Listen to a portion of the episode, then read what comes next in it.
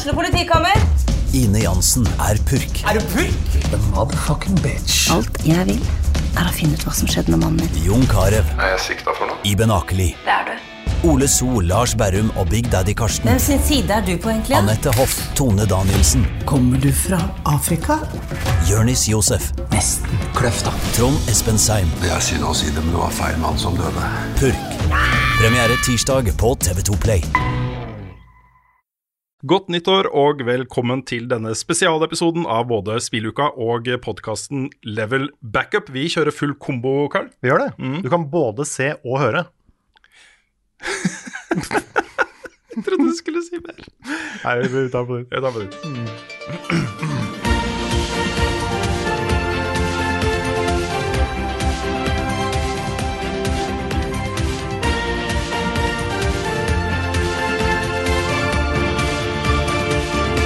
Godt nyttår, alle sammen, og velkommen til denne spesialepisoden av Spilluka og podkasten Level Backup. Vi skal se på spillåret 2023, sånn som vi alltid gjør eh, rundt nyttår, Karl. Det skal vi. Og denne gangen har vi det både som podkast og som video. Nettopp. Så du kan velge om du vil se oss, eller ikke har behov for å se oss. Ja, jeg vil, vil nok si at uh, man vil få litt mer ut av å se denne på YouTube. Det vil Ja. jo ligge da klipp fra alle de spillene vi snakker om. Ikke sant? Du kan se på alt det vi prater om, istedenfor mm. for å bare se det for deg i hodet ditt. Som også kan være ganske magisk, hvis, Ja, du, har, hvis du har veldig god uh, imagination. Jeg skal også prøve å huske å få lagt ut eh, en liste over alle de spillene vi snakker om, kanskje med link til YouTube-trailere mm. uh, etter at episoden er ute, sånn at hvis du hører dette på, på, på lyd, tenker at wow, det spillet hørtes kult ut, jeg har lyst til å se hvordan det ser ut, Mm. så skal vi få lagt en sånn liste over det da, på, på si, Discord-serveren vår, f.eks. For eksempel Discord.gg slash levelupnorge. live planlegging under innspilling. Men vi skal gjennom sjukt mye spill i denne spesialepisoden. eh, Og dette er jo da hovedsakelig spill som er sagt skal komme ut i 2023. Vi tror nok at mye av det vil bli utsatt til 2024, og kanskje enda mer enn det også. Eh, Men vi skal gjennom 140 spill, Carl. 140 spill. Det Der hvor i hvert fall halvparten sannsynligvis kommer i år. Ja, i hvert fall halvparten. hvert fall halvparten. Og jeg har prøvd liksom å ligge unna de verste sånn derre Vi håper jo veldig, da, Ja, at det det er kommer i 2023. Vi har ikke sagt noe. Nei. Kanskje det kommer i år, kanskje det kommer om fem år. Ikke sant. Mm. Uh, noen av disse 140 spillene skal vi da snakke om flere ganger, så det er jo færre enn 140 enkelttitler. Men dette blir en lang beefy-episode hvor vi skal gjennom eh, litt sånn inndelt etter de største blockbusterne, norske spill, eh, de kuleste utfordrerne, nye greier liksom, som ikke, har, eh, som ikke er en oppfølger og kommer fra kanskje nye studioer og den type ting, og indiespill. Mm. Og så har vi helt til slutt vår personlige topp 10-liste. Så, så hvis det er det eneste du er interessert i, så må du da spole det fram til slutten av episoden. Det må du. Da får, du. da får du høre hva som er vår, den fremste vogna på hvert vårt personlige hypetog. Åh, yes.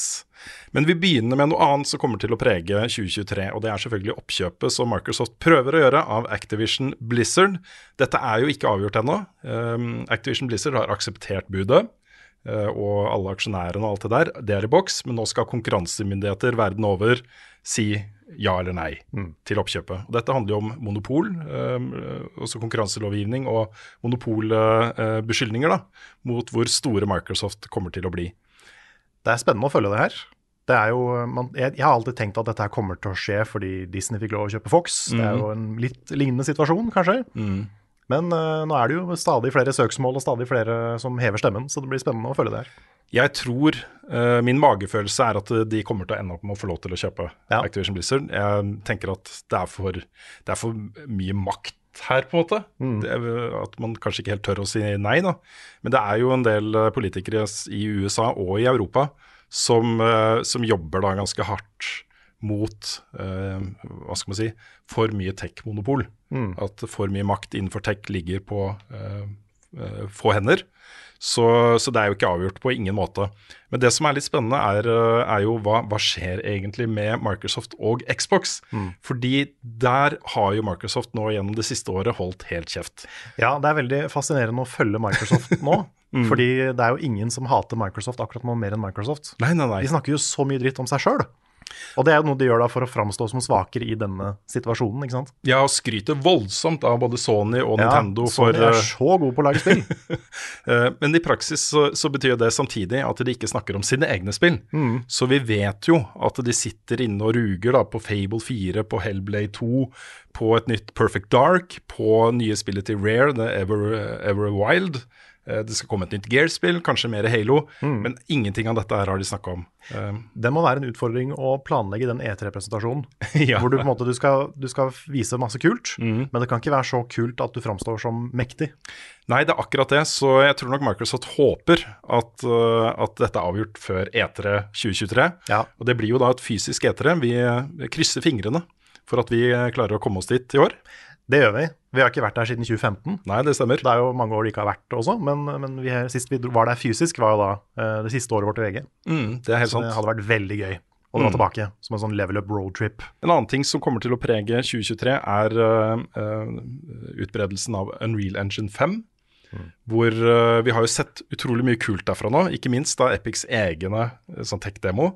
Men også dette her, uh, The Matrix Awakens-Demons, som ble gitt ut på PlayStation 5 og Xbox Series X. Stemmer. Var ikke Callisto Protocol utvikla i Unreal 5? Jeg tror det stemmer. uh, og det er en del av de spillene vi kjenner til fra før, inkludert uh, Kingdom Hearts 4. Det er sant. De starta på Unreal Engine 4 og switcha over til Unreal Engine 5. Stemmer. Det, det eneste vi har sett fra Kingdom Hearts 4, er fra Unreal 4. Stemmer. Så det kommer da Det, vi, det, det fra 5 har vi ikke sett ennå. Nei.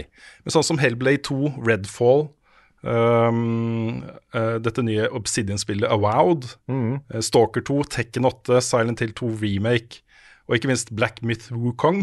Ikke sant? Alle disse spillene kommer jo i Unreal Engine 5. Eh, men det er et par spill som jeg har kikka en del på, som, som får meg til å tenke at vet du hva, vi er over et litt sånn paradigmeskifte nå, hvor eh, små studioer kan få et utrolig mektig verktøy i hendene, og resultatet av det kan bli ganske fett. Og Det ene av de to spillene er et uh, sånn survival-spill som heter Rooted. Ja. Uh, som du kan spille i co-op også. Uh, det er jo veldig sånn Daisy eh, også, Alle disse survival-spillene. men, eh, men det ser utrolig fett ut. Eh, og det andre spillet er et eh, spill fra et lite svensk, nei svensk, sier jeg, islandsk studio. Uh, og det spillet heter Blight Survival. Og det er det vi så på, den Souls, veldig Dark Souls. uh, ja, riktig. men i co-op, eh, medieval, du, du er på 1300-tallet, eh, masse magi og Det så stille ut. Ja, også veldig sånn hyperrealistisk Ja. stil på det. Så, så der er jeg veldig spent også på hva Unreal Engine 5 kommer til å bety. Uh, det blir spennende å følge med på. Og så er det tre, Jeg har satt opp tre spill under, under tittelen 'Kanskje' i 2023. Ok? Og Det ene er jo Death Stranding 2, og det er veldig lite sannsynlig i 2023. Ja, da. Kojima pleier å annonsere et spill, og så kommer det kanskje fem år seinere. Ja, Jeg tror ikke det blir fem år, men jeg tror det er et 24-spill. Ja. De kan jo forhåpentligvis bruke en del av Death Stranding på nytt. på Ja, måte. kanskje. Det det tar like lang tid å lage det. Det kan godt tenkes, men, øh, men, det, men det er kanskje. Det er kanskje. Mm. Øh, det andre er Final Fantasy 7 Rebirth. Det stemmer. Dette er jo da remake del to. Eh, og de har jo sagt at det, kommer til vinteren, Ja. er det de har sagt. Og det betyr jo da fra desember til, til og med uh, April, kanskje? Ja, noe sånt. Ja. Altså april er vår, ja, da går vi over i vår, ja. ja, så øh, desember, januar eller februar. Mm. Så det er en 33% sjanse for at det kommer i desember, hvis du skal bare bruke statistikk, da. Det er sant. Ja. det er sant. Nå kommer jo Crisis Core, det sa de også vinter på, Ja. kom i desember. Nettopp. Så det er jo lov å håpe at det kommer i desember, men jeg vil tippe da at det kommer som februar-mars. Ja. Det var da første remake også kom. Og så har du Metroid Prime 4, som vi vet er under utvikling. Mm. Men det er lenge siden de har vist fram eller snakka om det, så jeg tror ikke det kommer i år også. Men kanskje. Kanskje, Kanskje. det gjør det. Kanskje. Nintendo liker jo å annonsere noe samme år som det kommer. Ja da. Så plutselig så er det der. Det kommer en, eh, sikkert en Nintendo Direct før denne episoden her publiseres, med, med Metroid Prime 4 spesial. Og 40 andre spill vi ikke har med. Nettopp. Men da er vi over da på den kategorien som heter eh, i vårt manus De største kanonene. Og dette er jo det sånn trippel A blockbuster, kjempeutgivelser fra svære studioer med track record og et bibliotek av fete spill, så man tenker liksom at dette må jo bli bra. Ja. Så for å snakke litt om da de aller største, så tenkte jeg å starte rett og slett med The Legend of Zelda, Tears of the Kingdom, som kommer den 12. mai på Switch. Hvor fett blir det, Karl? Nei, det blir jo Altså, det er oppfølgeren til et av tidenes beste spill. Mm. Et av nyere tids beste spill. Ja. Det, mm, det, det bygde jo mye av fundamentet som f.eks. Elden Ring er basert på. Den der helt, helt åpne verden. Mm. Første Quest er Defeat Ganon, liksom. ja. Og jeg bare elska det da det kom. Elsker det fortsatt. Jeg tror jeg er 100 av det sånn tre ganger. Koroksids også? Nei. Nei. Så jeg, jeg kan ikke si at det er 100 av det da. Jeg har ikke fått gullbæsjen. Ikke fått gullbæsjen? Men Nei. bortsett fra gullbæsjen, så har jeg gjort ganske mye. Og jeg er så klar for mer. Derfor, hvis, det, hvis det bare er mer Breath of the Wild, så er det nok for meg. Ja, men det er, jeg er litt der sjøl også. Og jeg er mer gira på dette Zelda-spillet enn jeg vanligvis er på Zelda-spill. Jeg gleder meg alltid til Zelda-spill. Ja. Men det er litt sånn, du bare forventer at dette, dette kommer til å bli dritbra. Så du ender opp med å glede deg litt mer til andre ting. Være litt mer hypa på andre ting. Litt mer nysgjerrig på andre ting. på Ikke sant? Men etter Breath of the Wild så er jeg sjukt gira på dette her også. Det er øh, Ja, det blir en merkedag. Og så vet vi ikke så mye om den heller. Nei, vi har jo sett litt, men Ja. ikke, ikke noe detaljer, liksom. Nei, vi vet at de skal opp i himmelen. Mm. Skal vi under jorda? Jeg vet ikke. Første traileren var litt sånn underjordisk. Ja, det virker som de på en måte reiste ut av Breath of the Wild og inn i altså, Gjennom en sånn passasje. Ja, for jeg tror de var under slottet. Ja, det tror jeg også. At der, og der var liket til det som kanskje er Ganondorf. Nettopp. Nei, det er i hvert fall utvilsomt et av de aller, aller største spillene i, eh, i år. år. Jeg har også satt opp et eh, spill som kanskje også kunne ha stått på indie-lista, men det, er, det har blitt så stort. Det har vokst så mye i årene etter utgivelse at nå hører det hjemme blant de store gigantene. Og det er selvfølgelig Hollow Night Silk Song. Der var den. Der var den. Der var den. Dette er jo et spill som jeg, jeg føler liksom Jo mer tid som går, jo mer vokser anseelsen til det spillet. Etter hvert som flere og flere får spilt det og skjønner hvor magisk den opplevelsen er. Og ja. Ja. Vi er jo to av de som er veldig glad i det spillet. Det er vi. Jeg lagde jo et eh, klassikerinnslag nå eh, for bare noen måneder siden mm. om eh, det første, Hollow Night. Og dette her skulle jo egentlig opprinnelig være en delelse til Hollow Night, mm. hvor du skulle spille da som Hornet, den andre figuren. Så har det vokst og vokst og vokst og blitt et eget spill. Mm. Og nå sitter vi bare og venter på å høre mer. Ja, Det ble jo sagt da at uh, det ble vist fram på en pressekonferanse. Det var vel Nintendo sin Direct, var det ikke det? Jo, jeg lurer på om forrige gang var på Xbox. Ja, det kan stemme, men da sa de i hvert fall her er alle spillene Alle de spillene vi viser nå, skal komme ut innen utgangen av mars 2023, sa de. Det var Xbox. Det var Xbox. Og da var jo Hollow Night Silksong der. Mm. Tror du det kommer før utgangen av mars? Jeg har aldri helt stort på, på akkurat det Microsoft sa der. Nei. For de var litt sånn De, altså de sa det, mm. men de var også litt wishy-washy på liksom resten av For de andre spillene var mer konkrete, mm. mens det var litt mer sånn flytende. Ja. Så um, jeg tror jo ikke Jeg tror det her kommer når Team Cherry er klare. Mm. Det, jeg vet ikke om jeg tør å stole på noe dato ennå. Ikke før jeg hører det fra de. Jeg er ganske sikker på at det kommer i år, i hvert fall. Håper det. Ja.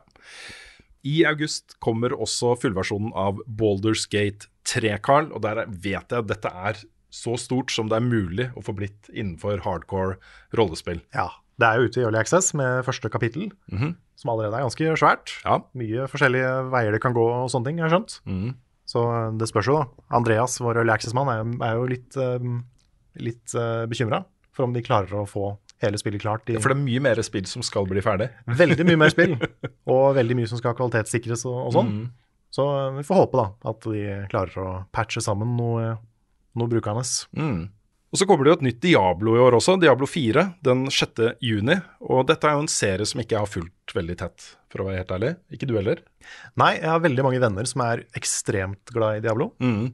Men det som har skjedd eh, mellom da utgivelsen av Diablo 3 og Diablo 4, for min del, er at jeg har blitt litt mer glad i sånn lut og rollespillelementer og sånt i Ja, spill. og litt mindre glad i Activision Blizzard. Kanskje kanskje det. Nei, jeg har jo jeg har sett mye på Diablo, annet eh, Svendsen har jo spilt det på stream og, og sånn. Mm. Diablo 2 mest. Men uh, jeg tror jo det, dette er en serie man fort kan ikke bare komme seg inn i, men komme seg dypt inn i. Det er akkurat det. Jeg har i hvert fall eh, veldig lyst til å få med meg Svendsen og kanskje Andreas, som er eksperter på dette her, til å vise meg litt vei da, i Diablo 4. Det, jeg er veldig glad i tonen i spillet, eh, og liksom den eh, gotiske Ja. um, ja, Ja. Så, så det tror jeg blir kult. Og så kommer da Starfield. Eh, Vi var litt sånn dissa litt Microsoft i starten. Det, det, er- det er ikke så mye vi vet om 2023 av Microsoft, men vi vet jo noe. Og Starfield er jo et av de. Eh, Og eh, dette er jo eh, beskrevet som Elder Scrolls in Space, Elder Scrolls in Space. ja, med en NASA-punk stil. Mm. Det er jo, alt dette her er jo ord jeg bare elsker og i kombinasjon med hverandre. Ja, Hadde du hørt NASA-punk før? Jeg hadde ikke hørt det før, men, eh, men eh, jeg skjønner akkurat hva du mener. Ja. En del av de gode, beste sci-fi-bøkene jeg har lest, har vært det. da, Mm. Hvor eh, man tar utgangspunkt i, i ja, kjent teknologi, Mm. og så modifiserer man det, liksom, og at det blir litt mer rock'n'roll. Ja. Er du redd for at det kommer til å være for mange planeter? Jeg er egentlig ikke det, altså. Nei, det er ikke det? Nei, jeg eh, tror det kan, eh, jeg tror det kan eh, kontrolleres -hmm. og styres ved å gi spillerne muligheten til å skanne disse planetene litt på forhånd. Ja. For å få vite hva som er der. Så Mm. kanskje noen av de er, rike på en eller annen ressurs du trenger. ikke sant? Ja, sånn. Da blir det bare kult å lande hvor som helst og begynne å mine etter det. Mm. Så, um, så jeg er ikke stressa over at det er 1000 planeter. Nei. det er Nei, for jeg spiller, jeg spiller Outer Wilds nå. Jeg har begynt på det. Ok? Og hvis Outer Wilds hadde hatt 1000 planeter, hadde jeg hata det. Ja, det hadde blitt et helt annet spill. Mm. Så, uh, så det er greit. Outer, Outer Wilds kan godt ha bare et knippe Ja, planeter. et sånn lite minisystem. Mhm. Men dette her er jo bare gleder meg til å utforske dette universet. her. Ja. ja, for du, du ser for deg en litt sånn No Man's Sky-opplevelse. Ja, med en god story. Mm. Eh, og det vi har sett av traileren her, er jo litt den derre Det er noen eh, mystiske artifacts fra en annen eh, alien-sivilisasjon rundt omkring. ikke sant? Ja. Hva skjer når man finner alle? Mm. Hva skjer når man finner alle, Carl? Ja, hva skjer da? Jeg ligger våken og tenker på det, liksom. Ja. Det er sånne ting som jeg elsker i science fiction. ikke sant? Mm. Tenk hvis vi nå liksom begynner å utforske verdensrommet, og så finner vi ikke alien artifacts. Hvor skuffa blir vi ikke da? Ja, det er nesten uhørt. Har det noen gang vært en historie hvor ikke det har skjedd? In space? det må være alien artifacts. Det må være det. Ja. Ehm, det som er det store spørsmålet med dette spillet, er jo om vi kommer det til å være ferdig når det kommer. Eh, er det mye bugs? Ja, det er det. Er det- Fordi er det- til og med de ferdige spillene til Bethesda har jo bugs. Nettopp. Skyrim er jo stappfullt av bugs til Ja, ja, ja. ti år seinere. Uh, og sånn som eh, Fallout eh, 76 også, som da etter sigende har blitt ganske bra etter hvert. Ja, Men det tok litt tid, da. det tok tid. Ja. Det gjorde det. Så jeg er forberedt på å bli skuffa, men uh, krysser fingrene for at det blir bra. Ja. Det er, uh, ja. I eh, juni, den nærmere bestemte 22. juni, kommer det spill jeg vet du gleder deg masse til, Carl. Final Fantasy 16. Final Fantasy 16. Mm. Dette er jo uh, mitt håp for Final Fantasy på mange måter. Ja. Jeg har ikke gleda meg så mye til et Final Fantasy-spill siden jeg var fjortis. Uh, og den serien har jo vært veldig mange forskjellige steder de siste åra. Mm. Uh, føler liksom den storhetstiden har lagt seg litt. Den var veldig, jeg var, Toppen av Final Fantasy for meg var sånn 9-10. Mhm. Og så etter det så har det vært litt mer sånn humpete. Ja. Men nå er det på en måte drømmetime. Det er eh, tilbake til fantasy-setting. Det er, eh, virker som en sånn stor politisk konflikt, som du gjorde veldig bra i 14. Og det er mange av de samme folka som jobba med 14. Så jeg har, veld, jeg har skikkelig trua på det spillet her. Dette her tror jeg kan bli dritbra. Eh, det som gjør meg mest gira på dette spillet, er, er kampsystemet. Ja, fra Og- Devil May Cry. Ja, og litt den tonen og den visuelle stilen på det og sånne ting appellerer veldig til meg også. Ja, Så for første gang noen gang egentlig, så er jeg gira på et Final Fantasy-spill sjøl. ja, det blir kult. Og det, ja, det er spennende. Mm. Det er første gang jeg faktisk kan dele Final Fantasy-hype med flere andre i level. Ja, Jeg har ofte vært litt aleine om det, men nå, nå er vi flere. det er vi. There are dozens of us, nesten. Eh, Jeg da på min side sliter litt med å gjøre dere andre i Level Up gira på det neste spillet, nemlig Suicide Squad, Kill the Justice League.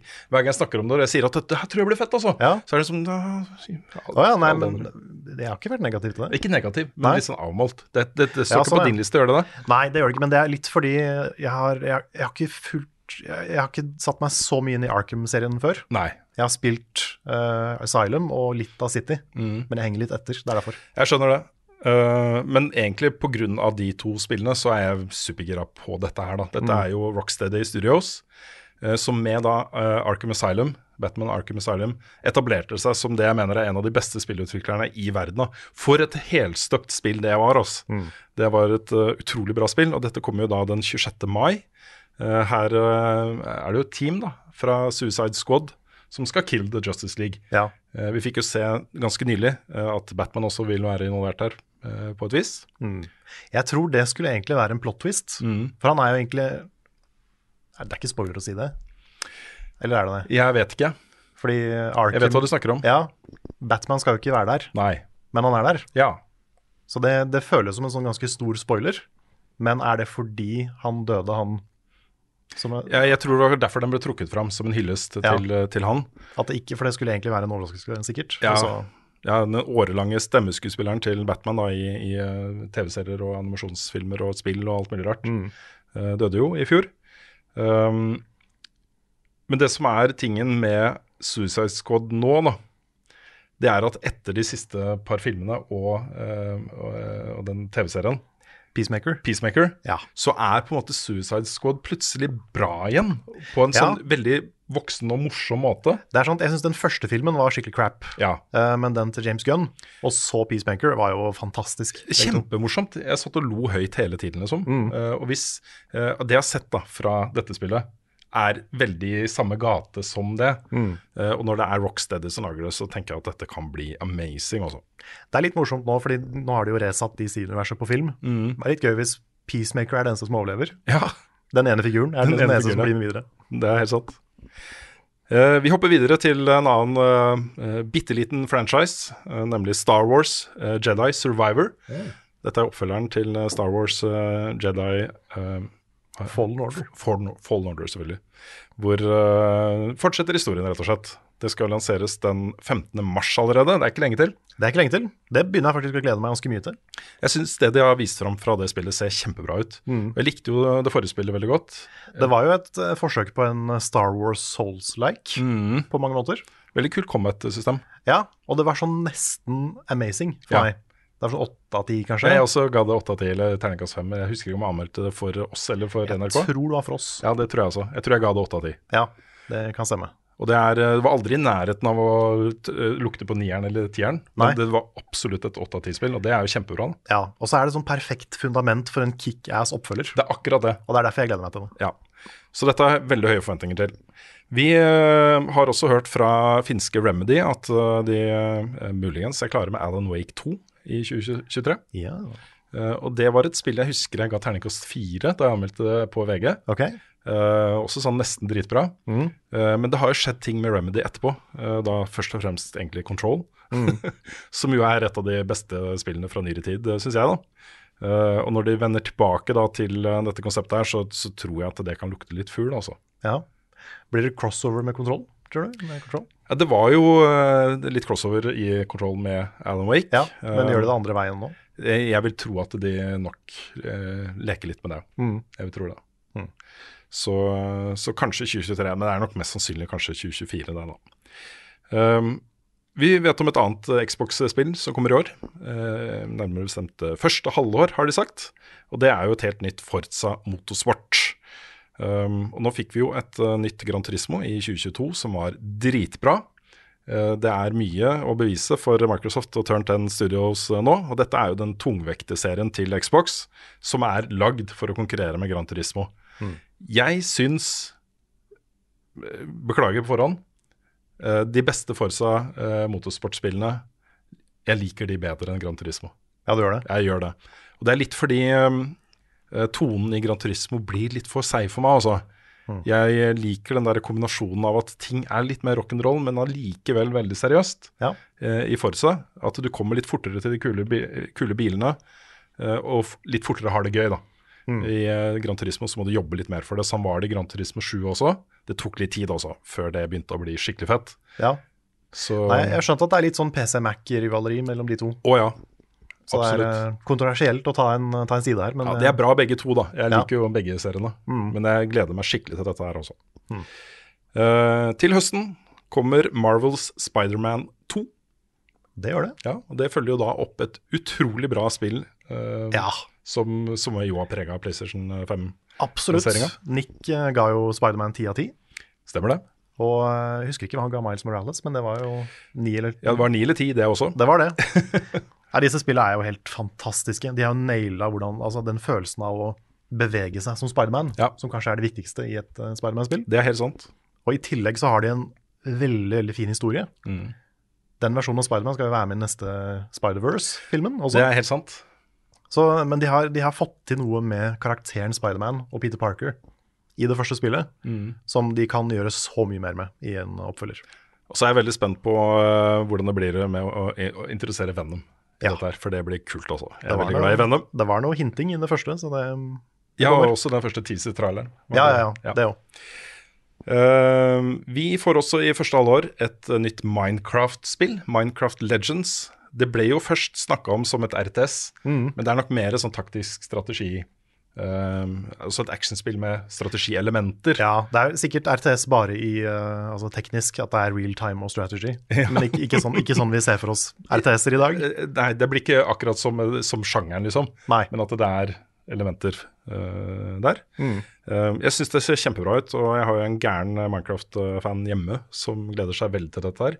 Så dette er noe jeg kommer til å spille, og som jeg gleder meg til. Men eh, det er nok kanskje mest for de som allerede er sånn ordentlig inne i Minecraft, kanskje. Ja, Selv om eh, Minecraft Dungeons viste seg å være et, eh, et strålende konsept som uh, klarte seg veldig godt over tid. ja, jeg har jo spilt masse Minecraft, men jeg er ikke, jeg er ikke nødvendigvis solgt på spin-offene fordi verden ikke betyr så mye for meg. Men uh, det blir spennende å følge det spillet her. Se om liksom er det, klarer de å lage andre kule spill i Minecraft-universet. Mer Xbox. Eh, dette var et spill som ble utsatt fra 2022 sammen med Starfield, nemlig Redfall fra Arcane. Og Her er det jo da en liten amerikansk småby. Det foregår noen mystiske eksperimenter i et laboratorie rett utenfor byen. Eh, og det de forsker på, er vampyrer. Ja. Eh, og da går det jo selvfølgelig gærent. Og jeg har litt blanda følelser for det nå. Da de viste det fram første gang, så var jeg supergira. Ja. For dette så bare Altså, det så Arcane, uh, Dishonored, eh, dritfett ut med vampyrer, stilig by, kult character design, alt dette her. Uh, og så har de vist fram mye mer av spillet etterpå, og da er jeg litt mer sånn Jeg vet ikke hvor bra dette kommer til å bli. Nei. Jeg blir alltid litt sånn, uh, litt sånn bekymra når jeg ser eh, cool teens også. Fordi enten så er de kule, eller så er de ikke det. Ja, det er sant. Men får håpe de har klart å naile dialogen og stemningen mellom de. Og At, bare- at ikke det blir sånne der one-liners hele tida. Nettopp. Men bare det at dette er Arc Arcane, som har Dishonored, de har Prey, de har bare bra greier. Deathloop. eh, Bare bra greier bak seg, ikke sant. Det, det er sånn jeg, Hvis dette blir dårlig, så blir jeg veldig overraska. Ja. Så um, det kommer i løpet av første halvår, det også. Um, Nintendo har på sin side uh, planlagt å gi ut Pikmin 4 i 2023. ja. Det er vel egentlig ja, Vi vet om noen andre spill, uh, men av de liksom kjempesvære tingene er det kanskje det største.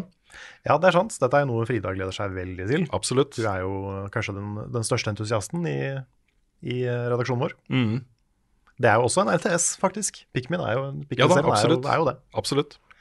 Og så var vi jo innom eh, helt kjapt når vi snakka om Unreal Engine 5-spill, men uh, eh, Obsidian Entertainment, som jo også preger topplistene for 2022 med Pentiment. Ja.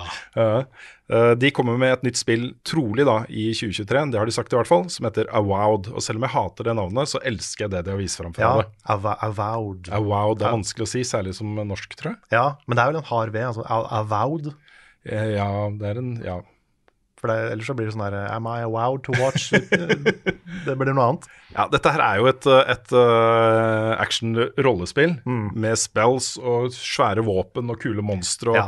mørke settings og Det kule ser lokasjoner. Og, dritkult ut. Det Ja, ser det ut som en, slags alternativ til Skyrim, nesten. Ja.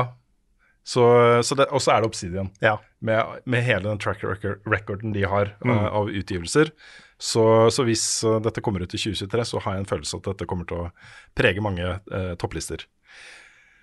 Så er det jo masse flere kanoner da, innenfor liksom den kategorien vi snakker om nå, men nå raser jeg bare litt kjapt gjennom de, Carl. Ok. Du får lov til å stoppe meg bare kjapt hvis det er Ja, hvis jeg har en sånn Å, nå må jeg si Ikke noe. sant? Ja, ok. Uh, men hvis ikke, så, så bare kjører jeg gjennom. Mhm. um, uh, og det er jo selvfølgelig da Assassin's Creed Mirage skal komme i 2023. Mhm. Eh, med eh, litt mer sånn fokus på historie og sniking og sånt, og stealth. Eh, Hogwarts Legacy kommer 10. februar. Eh, oppfølgeren til The Forest, Sons of the Forest, kommer 23. februar. Like a Dragon Ishin 22. februar. Company of Heroes 3 23. februar. Kerbal Space Program 2 den 24. februar. Det blir februar igjen, oss. Ja. Eh, Octopath Traveler 2 24. februar. Hei. Wolong Fallen, Fallen Dynasty nå for ikke en sånn der Østfold-L. Fallen? For- Wolong Fallen Dynasty Hvor, hvor lang Fallen Dynasty? kommer 3. mars. Uh, Skull and Bones, dette piratspillet til Ubisoft, kommer 9. mars. Uh, Bayonetta Origins, Cereza and the Lost Demon, den 17. mars. Altså origin-historien til Bayonetta. Resident Evil 4 Remake den 24. mars. Um, Dead Space-remaken 27.1 allerede. Um, eh, Aliens Dark Descent, et RTS-spill, uh, kommer i 2023. Avatar Frontiers of Pandora kommer da enten i 2023 eller 2024, har de sagt. Så de prøver å få det ut uh, før jul. Eh, Homeworld 3 første halvår. Payday 3 skal komme i år. Det Ja, ja. kan bli dritkult. Kult. Eh, Stalker 2 Heart of Chernobyl skal komme da i 2023. The Wolf Among Us 2 skal komme i år, Carl. Det skal det. Jeg er så spent på det, fordi det er jo helt nye folk i Telltale. Mhm. Kommer de til å fortsette historien på samme måte som de gamle ville gjort? Ja. Er, det, er det bare nye folk med nye historier? Kommer det til å bli like bra? Vet ikke. Det blir spennende. Ja. Street Fighter 6 kommer 2. juni. Kult. Tekken 8 skal komme i år. Ja, det blir krig mellom de to. Mhm, det gjør det. Fire Emblem Engage den 20. januar, rett rundt hjørnet. Det sitter Nick og venter på. Absolutt. Dead Island 2 den 28. april. Mm -hmm. veldig stilig den første traileren de ga ut, i hvert fall. Uh, og så et par spill som uh, står ganske høyt på lista hos oss. Ok. Uh, The Lords of the Fallen. Ja. Mm. Et nytt team da, som tar over ja, og så har de bare lagt på en The. Ja. For det, heter, det første heter jo Lords of the Fallen. Mhm. Og oppfølgeren The Lords det, det er veldig rart. Det er veldig rart, men det ser kult ut. Det gjør det. Og ikke, ikke minst også da teamet bak både Lords of the Fallen og eh, hva heter det andre Souls-like-spillet som du har spilt et par av? The Surge. The Surge. Ja, Eh, kommer jo da med et spill som heter Atlas Fallen, riktig. og det er jo i samme gate. Ja, De ser dritkule ut, begge to. Det gjør det. Har trua. Men dette, dette er Artist Fallen ser mye mer action ut. Mm, det gjør det. At de har skrudd opp litt sånn tempo en del. Det var sollys Det òg. og ute og store, vakre, åpne områder. Ja, du skal ikke ta sollys og grønne sletter for gitt i sånne spill. Nei. For now, we can stand for ourselves.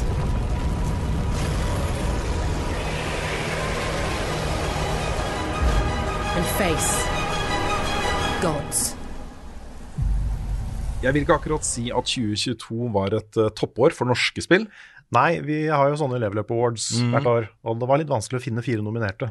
Ja, det var et litt sånn hvileår. Det kom ut en del spill, men eh, av de liksom kjempesvære tingene så virker det som om alle samtidig eh, trengte det ekstra året for å liksom komme ut, fordi 2023 ser amazing ut. Ja, nå er vi ute av pandemien på en måte. Ja, Vi er aldri helt ute av pandemien, men, men mer. nettopp. Så nå, nå, kan vi, nå kan vi kjøre på. Og da er det en eh, del eh, greier som er verdt å nevne her, bl.a. blant annet av Dustborn fra Red Thread Games og Ragnar Tørnquist. Mm. Dette er jo en, eh, en eh, sånn amerikansk road movie-interaktiv opplevelse, Stemmer. hvor ord har makt. Ord har makt. En litt sånn mer fysisk makt enn i virkeligheten, kanskje. Ja, fra det som, eh, som jeg har sett av spillet, så virker det som om det er på en måte henta litt rett ut av eh, Twitter-polariserte diskusjoner og den Ja, type ting. The Discourse. Nettopp. Mm. veldig spent på hva de får til der, altså. Eh, også veldig, veldig veldig spent på snusmumrikken fra eh, Hypergames. Eh, det heter Snufkin. mm, eh, et eller annet of Er Melody of Melody of Moomin Valley, eller noe sånt? noe sånt? Ja. eh, på engelsk. Eh, og dette vil jo bli en ganske svær greie internasjonalt. Det er jo en del land, kanskje særlig Japan, hvor Mummitrollet er dritsvært. Det er Disney, liksom. Ja, ja. ja, det er jo verdenskjent. Mm. Og um, vi har jo snakka litt med de folka bak eh, dette her. Ja. Og det, er, det, virker, det virker som det spillet her kommer fra veldig riktig sted, og de har forstått hva de lager spill om. Ja, det ser veldig koselig ut, Mm. rett og slett. Uh, og så har jeg også med Dune Awakening, selv om da uh, Funcom nå er heleid av Tencent. Mm. Et kinesisk selskap, så sitter det jo masse nordmenn her rett utover Oslo og jobber på det. Det gjør det. Så, så Kjenner vi, til og med et par av dem. Ikke sant? Så vi får si det er norsk. Ja. Uh, dette kan jo bli dritbra.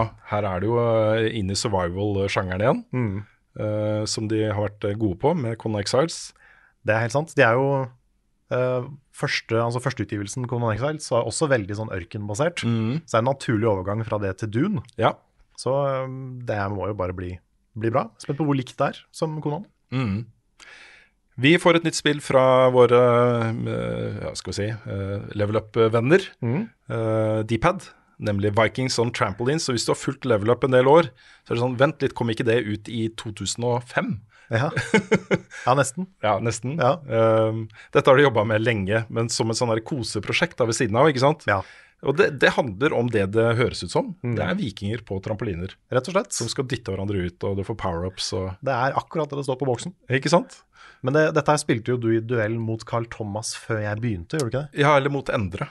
Mot Endre, ja. Ja. Det var sånn det var. Uh, før vi lagde Level Up, til og med. Så, ah, ja, ja, det var, det var den, den serien der, da. Mm, ja, Den første Norge Ja, riktig. nettopp. Så, så dette er jo konseptet det, som har fulgt på en måte Deepad gjennom mange mange år nå. Eh, Men nå skal det komme ut. Og det er faktisk til og med en egen uh, der. Ja, for den er jeg spent på. Ja, samme her, For da vi, når vi har spilt det, så har det bare vært en sånn der, sånn Smash Bros multiplayer. Ja. Men hvis det er en campaign med en historie, det skal jeg sluke, ass. Jeg, Mm. håper, jeg, håper det er, jeg håper det går sjuke steder. Ja, det gjør jeg også. Project Talassa, som er utviklet i samarbeid med psykologer. Det handler om eh, traumer, om eh, mentale lidelser eh, og den type ting. Fra da Sarepta, som også står bak My Child Lebensborn. Ja. Og det, det ser veldig sterkt ut, og veldig lovende ut også. Uh, vi gleder oss også til Ikonei Island, som er en, en en sånn spin-off av eh, Earthlock. Earth, Earthlock, ja. Earth, Earth, Earthlock. Earthlock. uh, litt sånn uh, Stardew Valley, uh, Animal Crossing-inspirert. ja, veldig. Og det er jo på en måte den perfekte spin-offen av den serien. For den har en del sånne farming-elementer fra før av. Ja. Så um, det føles som en litt sånn fin uh, Hvis du skal lage en spin-off, så er dette en veldig, en veldig god idé. Så vet vi at de også jobber med Earthlock 2, men det kommer nok ikke ut i år. Nei, det spørs. Eh, vi har også kikka litt på et spill som heter Seablip, som også er litt sånn inspirert av uh, mye kule indie-greier som vi har uh, spilt før. Og så er det en del spill som kanskje kommer i 2023, men som vi ikke er helt sikre på. Vi tror kanskje det kommer litt seinere. men der er jo um, uh, Krillbite. jobber nå på et spill som foreløpig, jeg tror det er arbeidstittel, jeg håper det er arbeidstittel. Okay. Det heter Ut på tur. Ja. Ut på tur. Mm Eh, de jobber også med et spill som heter Fruit Bus, eller noe sånt. Riktig. Eh, men Ut på tur skal det være et sånt narrativt eh, eventyr eh, som handler om å reise. Eh, og Ut på tur er jo et veldig norsk uttrykk, så jeg tror det. kanskje det får et annet navn. Out on travel. out on travel, out, out on walk, outwalking. The open road. Nei, det er, det er vanskelig å oversette det. Og så har vi jo eh, Perfectly Paranormal med Manuel Samuel og Hellam Hassel. Kommer da med det tredje spillet i det de kaller tirsdagstrilogien. Alle disse tre spillene foregår på den samme tirsdagen, visstnok. Ja, samme år òg. Ja. Ja. Uh, som heter The Holy Gosh Darn. The Holy Gosh Darn. Kanskje 2023 på den også. Eh, veldig usikker på Tesla grad 2, men hvis det kommer ut i år, så kan det bli det feteste norske Ja, spillet. ja. Tesla Grad var jo kjempebra. Ja, og vi har vært og snakka med Rain Games om Tesla grad 2, og de er jo så gira på å lage det. Og så det er sånn kjærlighetsbarn som de bare har brent etter å lage i alle år. Ja, ja. Så eh, Ja, så er det en opplagt oppfølger. Og så kommer det ikke så mange av de fra Norge. nei, det er er veldig lite Vi er veldig glad i å eksperimentere, og det er veldig bra. da. Men, men det, er, det er sjelden vi bygger videre på ting. Ja. Uh, Henchman Goon, som står bak uh, Pode, eh, jobber med et spill som heter Havspeilet, som også er eh, veldig veldig mørkt uh, tematisk, eh, men som, som, jeg har, som jeg er veldig spent på. Det kan bli en, en flott, vakker, men også sterk og vond opplevelse. Ja, det må jeg lese meg opp på. Ja, jeg har ikke lyst til å gjenta helt tematikken der, men det er et veldig personlig spill, da, såpass kan jeg si, for, eh, for utviklerne der. Eh, og så er jeg fryktelig spent på Rock Pocket-spillet Voidcast, som jeg ikke vet noe særlig om, annet enn eh, det det står om det, når Ja. det får støtte fra NFI. Riktig. Og det er et eh, 2D Metroidvania, Carl. Kult. Fra et, fett, eh, et bra team som Ja. lager fete spill. Tønsberg represent. Yes. Så, så hvis det kommer ut i år, så er det også en sånn rett opp på ting jeg gleder meg til. Da. Men jeg Mm. Tror, siden jeg har hørt så lite om disse spillene her eh, i det siste, så tenker jeg at det kanskje er litt lenger unna. Ja, vi tipper det. Og da har vi kommet til eh, kategorien vi kaller eh, De spennende utfordrerne. Det er ikke Mm. den kuleste uh, tittelen på seksjonen, liksom. Nei, for det er, det er litt sånn underdogs. Ja, eller i hvert fall nye greier. Ja. Og så Dette er ikke oppfølgere. Dette er kanskje fra uh, nye teams. Eh, Men mange av disse spillene har jo veldig kjente folk bak. F.eks. det første spillet på denne lista, nemlig Judas. Som er jo et spill uh, fra et selskap ledet av Ken Levine. Eh, og han var jo tungt involvert i Thief, The Dark Project, i um, Bioshock og Bioshock Infinite, og i System Shock eh, 2. Eh, dette er jo noen av de kuleste sånn derre åpen verden, men innenfor en lukka setting-spillene som har blitt laga noen gang. Ja. Eh, og det er han så god på, altså. Her har du en romstasjon eller en by under vannet eller et eller annet, liksom. Og der Ja, det, det det så jo veldig Bioshock ut. ja, kjempe. Uh, og jeg likte den traileren så godt, fordi her kommer vi til å se mer etter hvert. ikke sant? Gameplay-trailer og mer deep dives og den type ting. Mm. Uh, men den var veldig sånn selvsikker.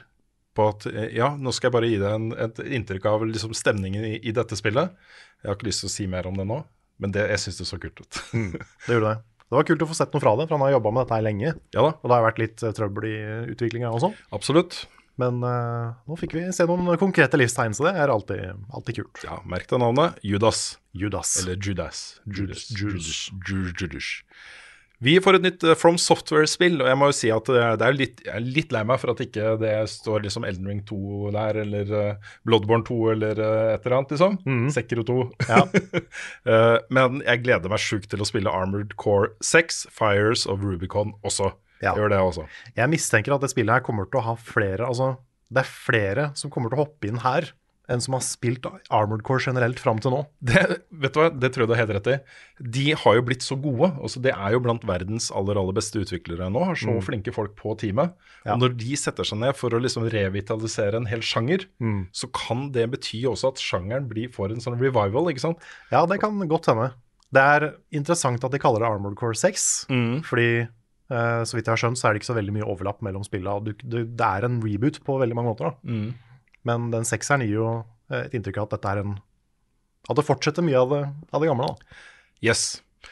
Vi får også et uh, utrolig spennende spill fra Kina. Det blir litt spennende å se hvordan det blir liksom snakket om i resten av verden. Eh, vi har hatt det samme med Genshin Impact Ja. eh, og et par andre spill. Det er sant. Men det spillet her ser altså så latterlig lekkert ut. Det heter Black Myth Wukong. Ja, det er kanskje det visuelt mest imponerende jeg har sett av spill. Ja, apropos da praten om Unreal Engine 5. Dette er jo lagd i Unreal Engine 5. Nå har jeg hørt sånn rykter om at, eh, at eh, ting ikke er helt tipp topp på teamet.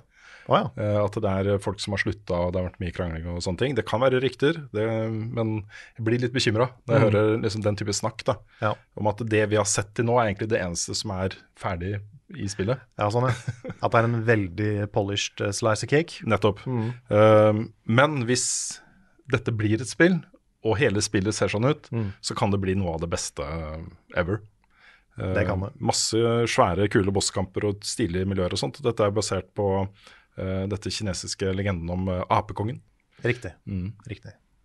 Eh, World to the West heter vel eh, den på engelsk. Ja, du spiller vel som en sånn apefigur som kan Ja, bli til andre dyr. Og, Stemmer, stemmer. stemmer. og så ser, det, er sånn, det ser ut som det er sånn tight, eh, sånn Sekiro-aktig combat. Ja, Det er mye der som er tiltalende. Altså. ja det alt jeg har sett fra det, ser eh, råfett ut, så jeg håper det blir bra, altså. Det er som det ser ut som et spill fra neste generasjon, på en måte. Mm, ja, At det, det som det kan ikke komme ennå. Det kan ikke se sånn ut ennå, men så gjør det. Nettopp. Ja, det så jeg får håpe at det blir så bra som det ser ut. Ja, og det neste spillet er jo litt i samme kategori, da, men det er da Blight Survival, som vi også snakka litt om i starten. Et eh, nytt, lite islandsk uh, selskap som er glad i Dark Souls. Ja, Men så tenker jeg hva om Dark Souls var liksom fullt co-op, eh, og kanskje enda mer sånn survival-sjanger-type spill. For får, i dette spillet, fra det vi har sett, så får du uh, Souls Combat. Eh, det blir Rogalight. Uh, og det blir survival-elementer. Og co-op. Full co-op. Og det er liksom Alle disse tingene her er også Altså, blir det bra, så blir det jo ja. hvor bra som helst. så, så litt i gata med sånn Remnant from the Ashes og de der, kanskje? Ja, kanskje litt nærmere enn det. Men øh, ja, jeg, den videoen vi la ut, oss, jeg, ble, jeg tenker på den ofte. Ja, Det ser øh, latterlig lekkert ut. det gjør det. Og det er litt sånn apropos, da. Remnant 2 kommer jo også, Carl. Det gjør det. Eh, og det så råfett ut. Det gjorde det. Jeg har fortsatt ikke spilt Remnant 1, og jeg har bare sett en del gameplay av det. Mm. Men det så jo kjempegøy ut. Du har også et spill som heter Nightingale, som skal komme ut første halvår. Som øh, blander crafting og survival-elementer med litt sånn øh, viktoriansk øh, action-adventure. Ja, Er det det som har sånne multiverse-portaler og Ja, du får eh, portaler som kan ta deg til forskjellige områder, og de er litt sånn procedurally generated også. Ja. Med sånn eh, spesielle kombinasjoner av monstre og ressurser du trenger til, eh, til Mm. oppgraderinger og sånt. Dette er noe som plutselig kan få den der Valheim-suksessen. Ja, uten tvil. Og det kanskje vi må barbare litt i det her. Mm. Ja, det jeg er med. Ja, nice. Vi har et uh, spill som heter Wild Hearts, Uh, veldig inspirert av Monster Hunter. Ja, det er det, ja. Det der Monster Hunter, nesten kopien. Ja, det var i, veldig nærme en kopi. Vel, ja. Det var, de, de hadde fått i oppgave å lage Monster Hunter. På Ja, måte. det ser sånn ut, men det så samtidig ganske fett ut. ja, ja. Særlig med monsterdesignet og den disabilityen du hadde, med å kunne liksom bygge disse boksene rett ved å lage Ja. sånn ja, for det, det går litt i den der gata som Monster Hunter World gjorde, Mm. hvor det blir litt mer, litt mer nærme realisme og sånn. Det er fortsatt over the top og crazy med svære våpen og Ja. alt det der. Men det har liksom litt mer av den der realismen som er litt kul. Mm. Så jeg håper liksom Monster Hunter World eh, 2 går litt også i den. Fortsetter i den retningen. Det skal lanseres 17. februar.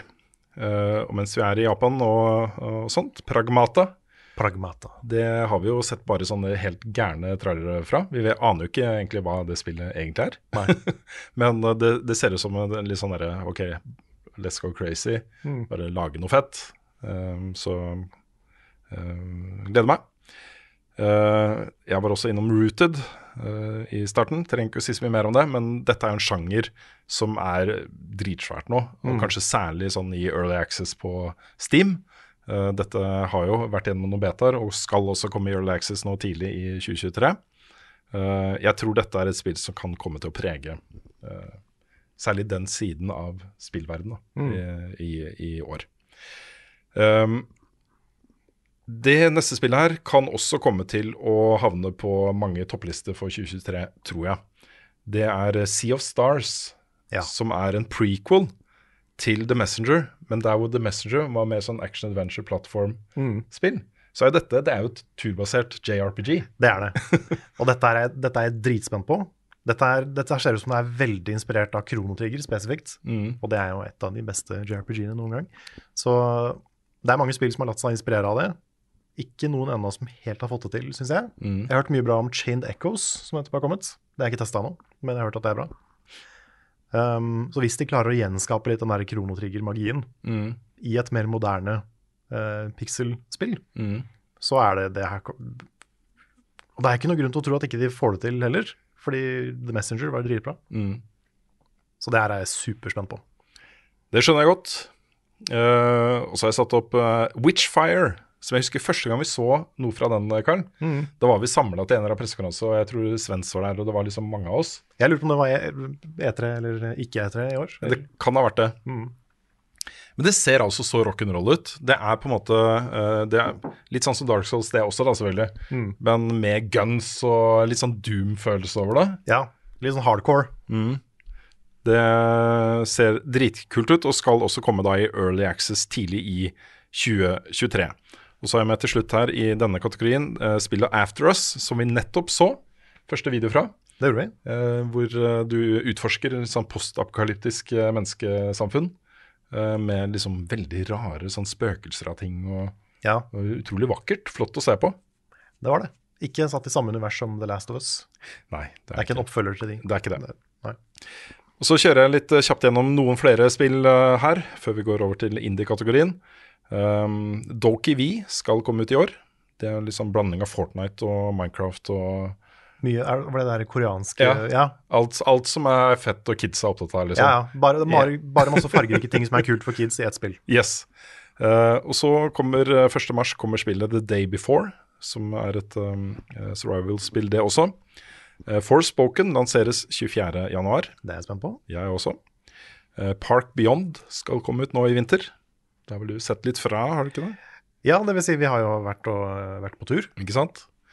Uh, I 2023 kommer også et nytt spill fra Keichiro Toyama, som er en av de uh, som sto bak da Silent Hill, blant annet. uh, som heter Slitterhead. Slitherhead. Slitterhead. Ja. det er bare tittelen er sånn Jeg, jeg vet ikke om, eh, om det er noe for deg, men jeg gleder Nei, ikke noe for meg, tror jeg. Nei. Jeg er ikke så veldig glad i slithering heads. Jeg er ikke det. Og så kommer det et veldig stilig um, tredjepersons actionspill som heter Stellar Blade. eh, eksklusivt til PlayStation 5. Som også ser, eh, ser heftig ut, altså.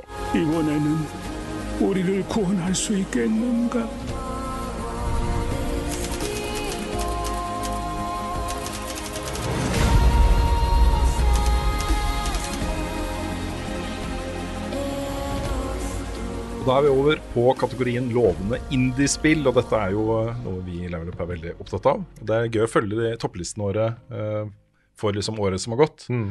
Det er jo en sånn salig, salig blanding av svære blockbuster-greier og kule indie-ting hvert er år. Ja, jeg føler også blir det bare mer og mer av det. Ja, for de kommer nærmere og nærmere hverandre. Og det Mm. fordelen som uh, disse indiespillene har, er at de ofte er mer fokuserte, ikke sant. Ja. Og hvis de først treffer da, så treffer de kanskje ekstra hardt da. Og dermed så kan jo sånne spill som um, Pentiment, selv om det er lagd av Obsidian, da, men det Ja, det er jo det. ja, um, Eller Immortality, eller uh, Mm. andre greier, kan liksom hevde seg i konkurranse med ting som har hatt 400 mennesker som har jobba i ti år. Ja, sant. Og da, hvis du har de der svære trippel A-prosjektene, så kan de risikere å bli litt sånn altfor svære, altfor mye, altfor mange mechanics og sånne ting. Så det er litt sånn motsetninger i hva, i hva utfordringen er. Men på da listen over lovende indiespill så starter jeg med Replaced, som jo er et eh, litt sånn noir eh, action-eventyr fra en alternativ eh, 1980-tallet her, her på jorda, liksom. Eh, sånn, litt sånn cyberpunk-aktig eh, eh, action-eventyr. Stemmer. Som så veldig filmatisk ut, men pikselgrafikk. Ja. Og eh, alt jeg har sett, ser sjukt lekkert ut. Utrolig stilig. Ja, fy fader, altså. Så, så det gleder jeg meg til. Uh, dette har jo blitt utsatt såpass lenge nå at jeg begynner å bli bekymra. det er lenge siden jeg har fått livstegn fra det. Men Little Devil Inside, Carl. Ja. Det fikk jo til og med en sånn egen PlayStation eh, State of Play Det gjorde det? i, i, i fjor. Ja, det var, ikke, det var ikke bare det spillet, men det var en lang video fra det spillet på den State of Playen. Ja, uten dato. Uten dato. Eh, Det skulle jo komme til høst. Mm. Um, og det var, tror jeg, andre gangen det var utsatt.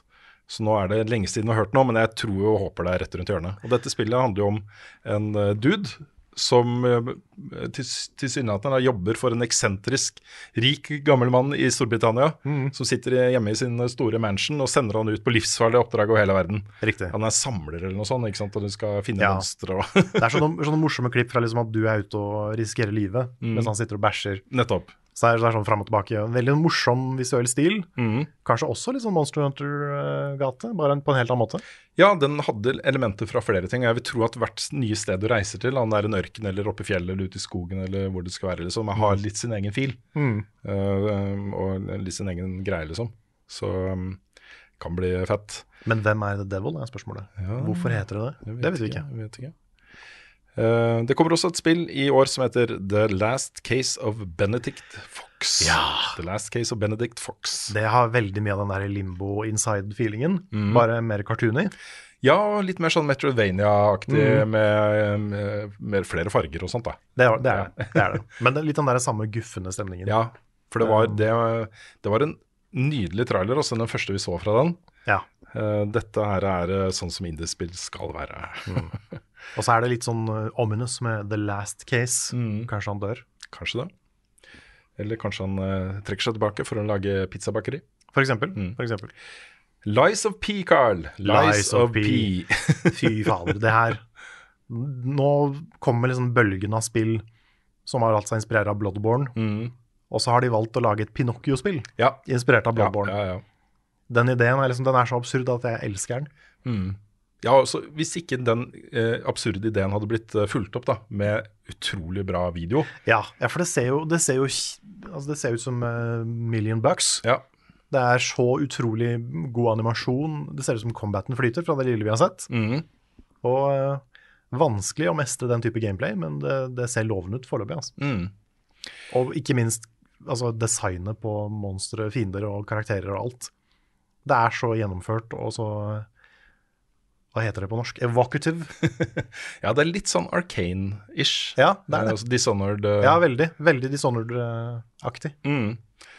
Uh, den 31. 31. januar kommer Season, A Letter to the Future, uh, hvor du skal sykle rundt i Mm. verden og dokumentere. Eh, her er det da en, en eh, kataklysme på vei. Jorda skal gå under på et eller annet vis. Ja, så du skal dokumentere hva, hvordan det var. Ja, folk lever sine liv ikke sant, fortsatt, og du skal reise rundt. Og jeg, jeg har jo liksom følelsen at jeg vet litt ganske godt hva dette spillet faktisk er, basert på det lille jeg vet. Ja. Men jeg tror allikevel dette kommer til å bli en veldig stemningsfull og flott opplevelse. Mm. Um, så Ja, kanskje, kanskje litt, uh, litt trist, tror jeg. Ja, det tror jeg. Veldig sånn stereotypisk indie. Mm, det er det. Du skrur, slår opp indiespill i ordboka, så kanskje det er et bilde av season, liksom. Ja, vi tror det. Men uh, den har jo en utrolig flott visuell stil, Mm. hvor mye ser liksom håndmalt ut. Uh, det er litt sånn Ghibli-animasjoner på, på G der også. Mm. Så, um, så veldig lovende, altså. Um, det er et spill som jeg har oppdaga ganske nylig, som heter Luna Abyss. Som, um, som ser ut som en blanding av litt sånn sci-fi horror eh, og Returnal. Okay. Ok. med mye sånn eksperimentelle greier og bullet hell-bosser og den type ting. Hmm. Oh my god, Carl, det ser så fett ut. Ja. Det er ikke det som var på Game Awards som så veldig ut som Returnal, eller? Jo, jeg tror det er det samme spillet. Ja, det er det samme spillet? Ja. Ok. Hmm.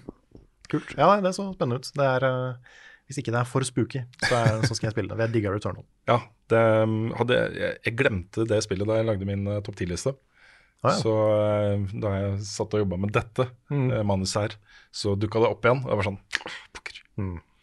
Det er for lite med tidsspill. Ja. Uh, vi får også spille Mina the Hollower i, i desember, står det der, da. Det har Ja. tatt seg friheter. De sier desember 2023. Ja, det er eh, stor sjanse for at ikke det blir mm. desember 2023. Men eh, dette her er jeg faktisk veldig spent på. Mm. Det er jo Shoal Knight-folka, Yes. som da lager et eh, spill litt sånn inspirert av Gameboy. Litt den der Castlevania, litt Selda Zelda ehm, Herregud, Links Awakening. Mm. Veldig Links Awakening, men i litt mer sånn gotisk Gameboy-stil. Ja. Ser kjempebra ut. ja, det gjør det. De har naila det de prøver på, i hvert fall visuelt. Mm. Så det her har jeg tro på. altså. Og Så kommer det til sommeren et spill som i hvert fall delvis er inspirert av eh, Jet Set Radio eh, og de spillene, eh, nemlig Bomb Rush Cyberfunk. Og om ikke annet årets kanskje kuleste spilltittel. Ja, Bomb Rush Det er litt sånn som Jet Set Radio, at jeg bare tatt tre Ja, ja, ja. ord, og så satt det sammen, og så det er spillet. Ja, Bomb Rush Cyberfunk. Mm. Det sitter også en, en nordmann og jobber på, på det spillet. Mm. Med, med, jeg tror det er med miljødesign. Ja. Det er mulig jeg husker feil. Neste spill, Eagle Bowling Bird. det var to fugler, burde kanskje ikke vært to fugler. Eagle og Bird. Dette er et spill du gleder deg til, Karl. Carl. Mhm. Demon School. Demon School. Dette her er en slags indie persona, får jeg inntrykk av. Ja. Litt, mer, eh, litt mindre anime, litt mer sånn amerikansk skole, kanskje. Ja. Så vidt jeg husker, i hvert fall. Mer pikselert, mer eh, top down, men veldig den samme stemningen. Jeg får litt sånn derre ungdomsbøker-fil av eh, det jeg har sett. Ja. At det er liksom en litt sånn spooky ungdomsbok Mm. gjort om til et spill. Ja. Som handler om eh, litt det samme som Persona, at de går inn i et annet univers. eh, som har eh, litt sånn demoner og ting og tang. Mm. Men så er det også en skole og et vanlig liv. Så tipper det er inspirert av Persona, Ja. men med en litt annen stemning. Vi får et uh, utrolig lovende skrekkspill fra Sverige som heter uh, Bramble The Mountain King. Ja. Eller Bramble. Bramble. Bramble. Bramble the Mountain King. Der har vi jo eh, sett streamere over hele verden uh, sitte med tidlig kopi av det spillet, en liten sånn slice av det, Mm. med uh, nøkken Ja. som kommer opp av vannet. Mm.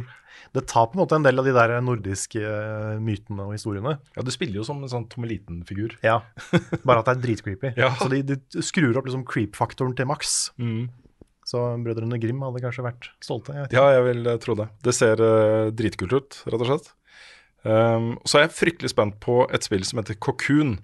Dette er jo en uh, dansk utvikler som heter Jeppe Karlsen, som uh, da var med i oppstarten av Playdead og jobba på Limbo Inside, Ja. som har gått ut og lagd sitt eget selskap. Ja, for det er han andre. Det er han andre. Riktig. det er han tredje, egentlig, da. Oh, ja. Han er mer sånn han, jeg, jeg tror han var uh, game director eller, eh, eller noe sånt på disse spillene. Ok. Um, uh, eller noe annet, jeg husker ikke hva, akkurat hva han var. Mm. Men du hadde jo en som slutta for å lage selskap i Storbritannia, Mm. og der ble resultatet Summerville. Stemmer. Um, Playdead jobber jo med sitt eget spill, så Arnt Jensen er jo fortsatt uh, Ja, ok, Så Playdead fins fortsatt? Ja, ja, ja. Ja, ok, ok. ok. De er jo godt i gang med deres neste spill, som også etter eh, sigende skal være i Unreal Engine 5. Hmm. Eh, dette er jo da et nytt selskap, et nytt spill, uh, som ser kjempebra ut, som heter Cocoon, Uh, som skal komme i år. Riktig. Vi får også, og dette kan bli fett også, Hyperlight Breaker. Oppfølgeren Ja. til Hyperlight Drifter. Det blir spennende. De bytter jo litt sjanger Ja. og, og sånt, men følger da fortsetter da historien. om hovedpersonen fra Hyperlight Drifter. Hmm. Jeg har jo nevnt noen ganger at jeg er glad i sci-fi. sci-fi, Ja, du har det? eh, og kanskje litt mer sånn um, eh, Litt sånn sci-fi litt utenfor allfarvei. The one place not corrupted by capitalism. Yes! Space! Eh, Inntil videre. Inntil videre, ja. Ja. Det kommer et spill som heter The Invincible, som ikke handler om eh, skyting og, og dreping og bullet hell og den type ting, men hvor du er mer sånn Du driver med research. Du, skal, du lander liksom på en fremmed planet og skal finne ut hva som har skjedd der, og det er ikke noe sånn konflikt på den måten. Det er ikke skummelt, på en måte. Det er mer sånn utforsking eh, og research. Eh, og det er jo et kjempemysterium som ligger bak her, som du skal finne ut av. Og det ser dritkult ut, så, så det gleder jeg meg til. Kult. Vi får også Oxenfree 2 Lost Signals. Ja. Mm. Oxenfree er en uh, classic. Og i andre kvartal kommer Planet of Lana, som ser nydelig ut. Det er også svensk, er det ikke det? Også svensk. Ja. Fy fader, ass. Det, ser, det, det også er Hvis du ser for deg limbo bare med farger og mye søte ting, men også litt den der horrorgreia fortsatt. Ja, det Det er noe- skal være litt skummelt. Det er noe creepy der i tillegg. Ja. Her, det spillet starter med at det blir en sånn alien-invasjon. Du ser det kommer ned masse sånne der, svarte skip fra himmelen og Yes. Jepp. Um, The Plucky Squire. Åh, det var mitt game of show på ikke-etere i 2022. Det, ser så, det ser så koselig ut. Ja, Det ser kjempekoselig ut. Det er da i en bok, hvor du spiller som en 2D-figur i en bok. Men så plutselig så kommer du ut av boka Ja. og begynner å utforske rommet som boka ligger i. Ja, fy fader, ass. Det bare, se- hvis ikke du har sett den traileren, bare se den. Det ser ut som sånn der Windwaker, sånn drømmespill. Det er en veldig god trailer, rett og slett. Kanskje en av de beste trailerne jeg har sett for et spill. Og så er det et eh, spill da som eh, vi også ganske nylig så, som heter Viewfinder. Um, jeg avslutter med det i denne bolken her. For, Ja. for litt fordi um, Ok, det er et kult konsept hvor du tar på en måte bilder og sånt, og så snur du litt på det, og så får du et perspektiv, og så, bruker, og så ut, utvider du spillverden. Eh, men også fordi uh, musikken er lagd av norske Oda Tilseth, og Ah, ja. lydbildet er lagd av Martin Kvale, selvfølgelig. Hei, kult. kult, kult. Som, eh, de er jo involvert i så mye uh, gøy som kommer. Ja, men det spillet her ser jo kjempestilig ut. Det gjør det. Det er jo bare den der mekanikken med å ta et bilde, holde bildet opp, og så blir bildet til virkeligheten. Det er sånn, jeg kjenner at liksom hjernen min begynner å koke litt av å tenke på hvordan det funker. Ja. Men det ser så kult ut. Today, I'm excited to announce that one of our most storied franchises will be coming to PSVR 2 at launch. Jeg må også si, Karl, at en av de tingene jeg er mest spent på i år, er ikke direkte bare en spillansering, men mer en sånn bunke spillanseringer, eh, og da ny teknologi. Eh, jeg snakker da selvfølgelig om PlayStation VR 2. Og det er, Jeg har jo vært litt sånn forkjemper for VR, men også Ja. veldig skeptisk til VR. Uh, siden det ble liksom et masseprodukt med Oculus Rift for en god del år siden. Uh, hvor jeg har liksom følt at teknologien har ikke vært helt på plass, og det er ikke massemarked nok, og det er ikke tilgjengelig nok, og litt for mange kabler, og det er liksom Ja, litt mye hassle. litt mye hassle. Litt Eh, mye Facebook involvert. ja, og det er, det er litt dritt nå, da, fordi jeg har ikke så veldig lyst til å spille en uh, Meta Quest. Nei, jeg har ikke noe lyst på Eh, Meta pga. eierne. Nei, så, men dette her da er jo litt mer uh, eh, svelgbart, mm. syns jeg, og det er da PlayStation VR 2. Uh, nå, er vi, nå har vi kommet såpass langt i teknologien at man kan ta på seg et VR-headset, uh, og det ser veldig bra ut. og Det er høy nok framerate på det, høy nok oppløsning på det.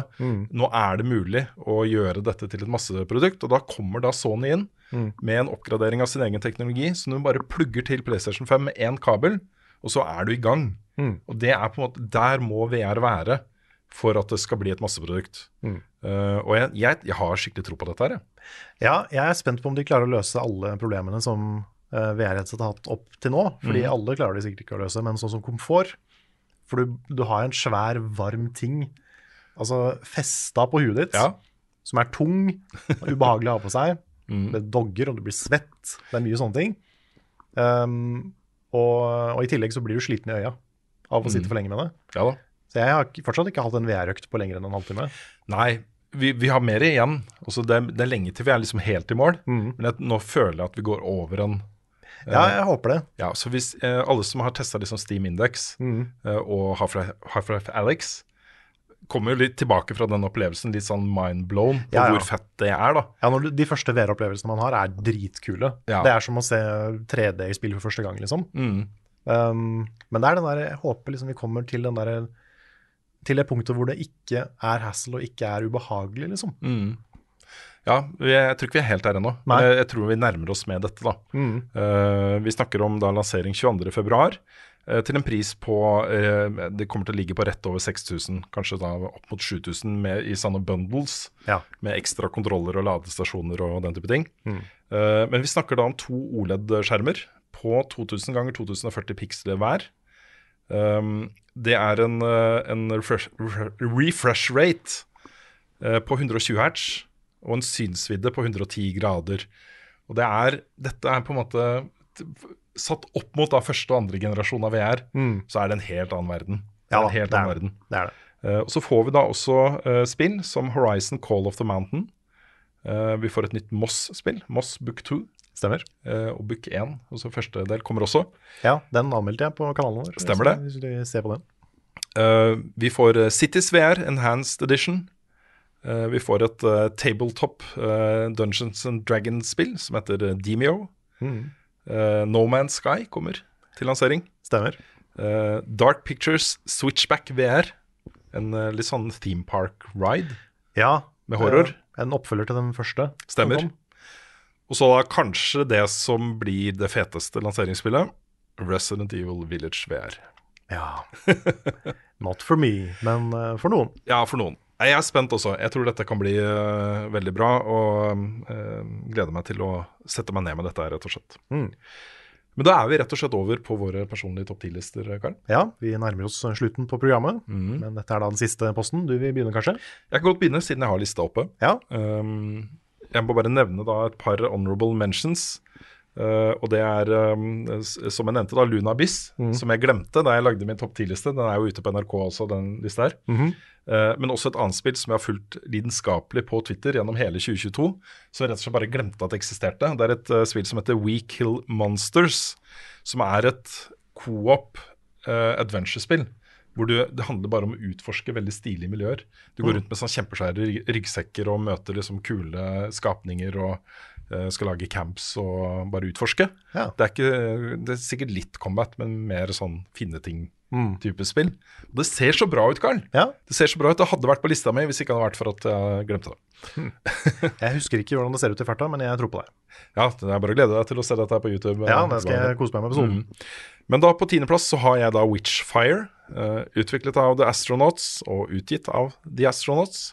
Skal komme da i Early Access tidlig i 2023. Og dette er jo um, Doom møter Dark Souls Mm.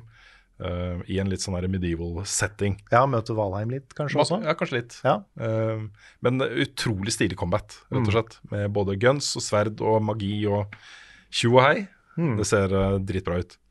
På niendeplass har jeg Suicide Squad Kill the Justice League. Rocksteady-spillet kommer, da, kommer da 26. mai. Jeg er fan, rett og slett, av Rocksteady. Jeg syns de er så flinke. Ja. Og, De er det. De er jo toppen av eh, superheltspill. Uten tvil. Og så har jeg blitt veldig glad i Suicide Squad uh, i nyere tid. da. Eh, gleder meg til å se hvor det bærer. På åttendeplass har jeg da dette indiespillet vi skrøt voldsomt av tidligere i episoden, Replaced. Uh, det er da Sadcat Studios, eh, og de sier det skal komme i 2023. Um, dette er jo right up my alley, liksom. Et eh, stilig pixel eh, 2D-spill med masse filmatiske grep og kul combat og kule locations og en kul story og litt sånn alternativ uh, 1980-tall-historie og alt dette her, liksom. Ja, Det er uh, veldig lovende. det ser dritkult ut. Det gjør det. Og så har jeg faktisk Diablo 4 helt oppe på sjuendeplass, jeg, Karl. Ja, Det skulle jeg ikke trodd. Nei. Bare for et par-tre år siden. du er klar for å bli Diablo-mann? Jeg er veldig klar. Jeg gleder meg, Mm. rett og slett. Eh, 6. juni på den. På sjetteplass har jeg da Judas. Og det er jo basert på de eh, opplevelsene jeg har hatt med både Thief og System Shock 2 og Bioshock og Bioshock Infinite. Når Ken Levine lager noe nytt, så er jeg der, altså. Um, jeg er veldig spent. På femteplass har jeg Dette tror jeg var veldig nærme toppen min eh, på det jeg gleder meg til i 2022 også. Okay. Little Devil Inside. Ja. uh, Neostream Interactive-spillet. Det, skal, det må jo komme da i 2023. Det må nesten det. Ja.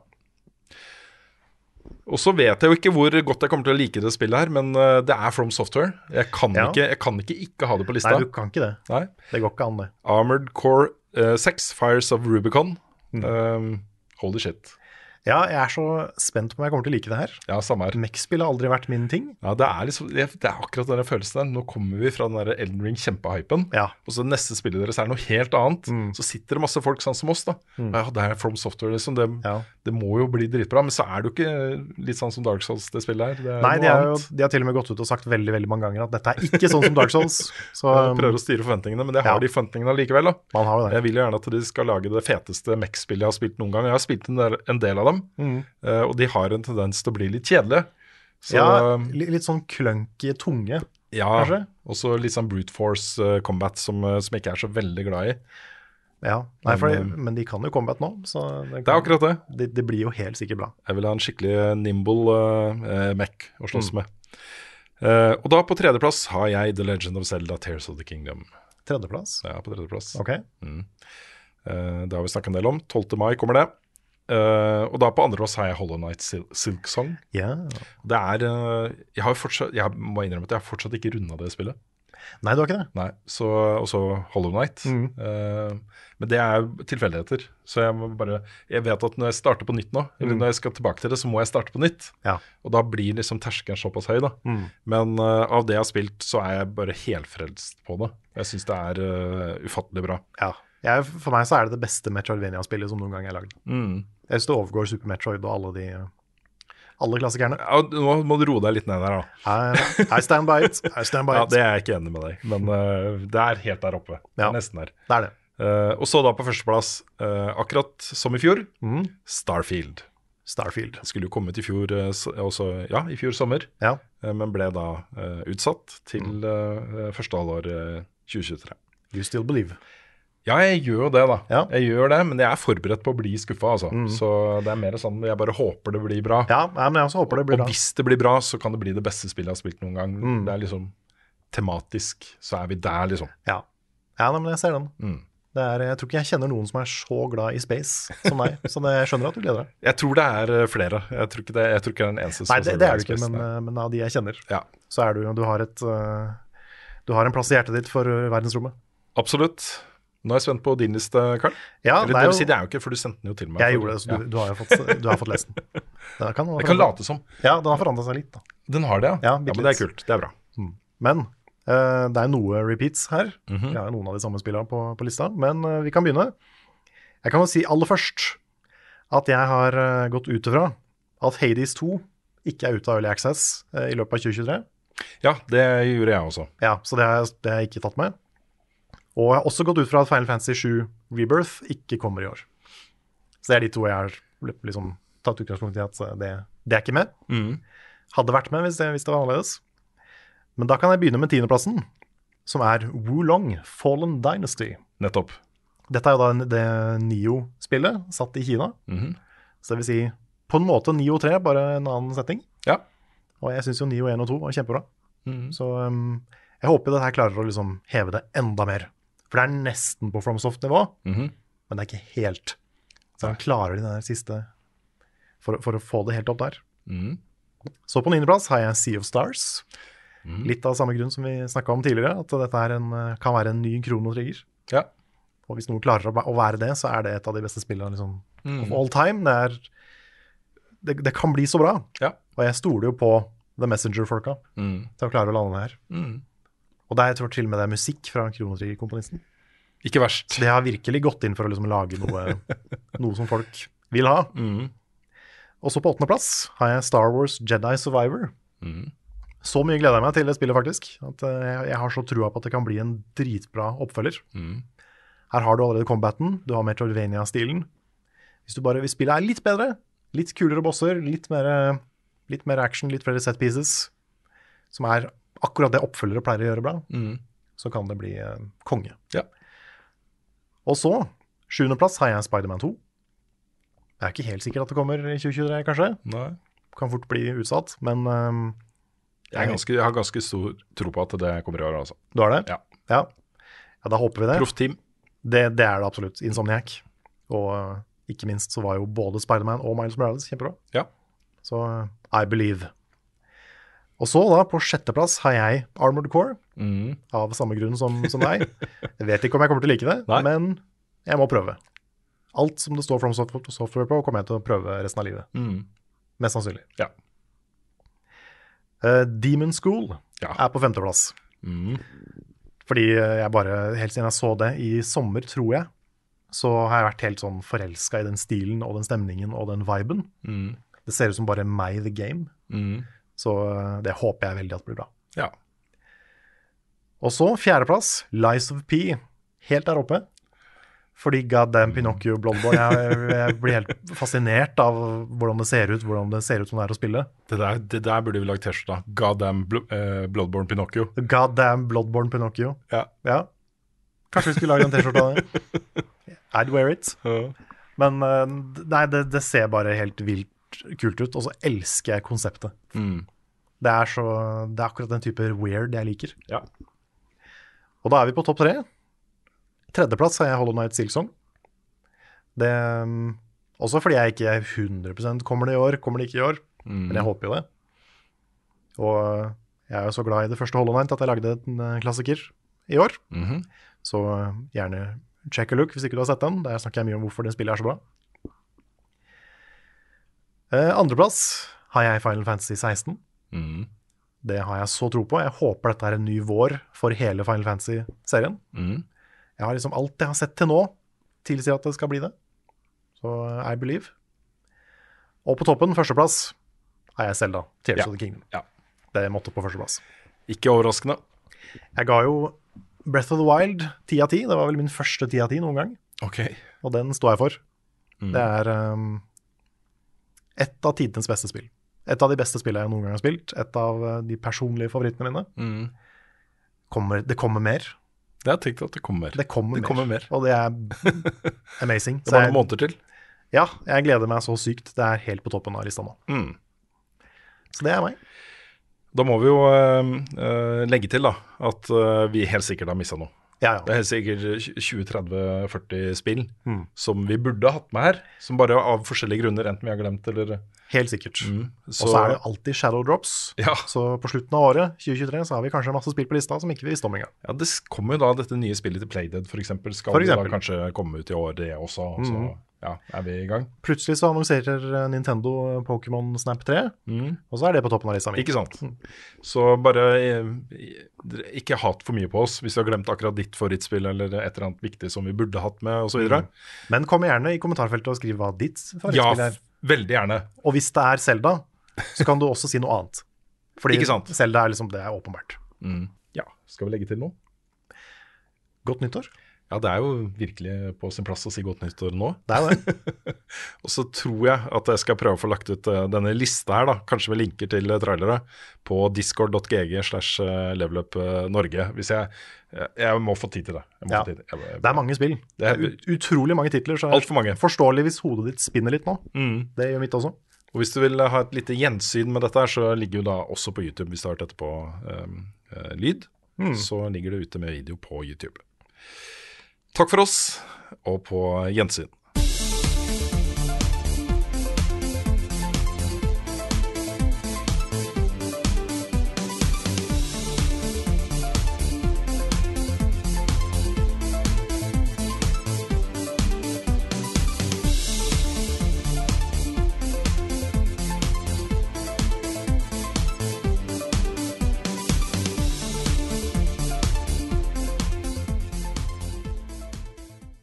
Har du et enkeltpersonforetak eller en liten bedrift? Da er du sikkert lei av å høre meg snakke om hvor enkelt det er med kvitteringer og bilag i fiken, så vi eh, gir oss her, vi.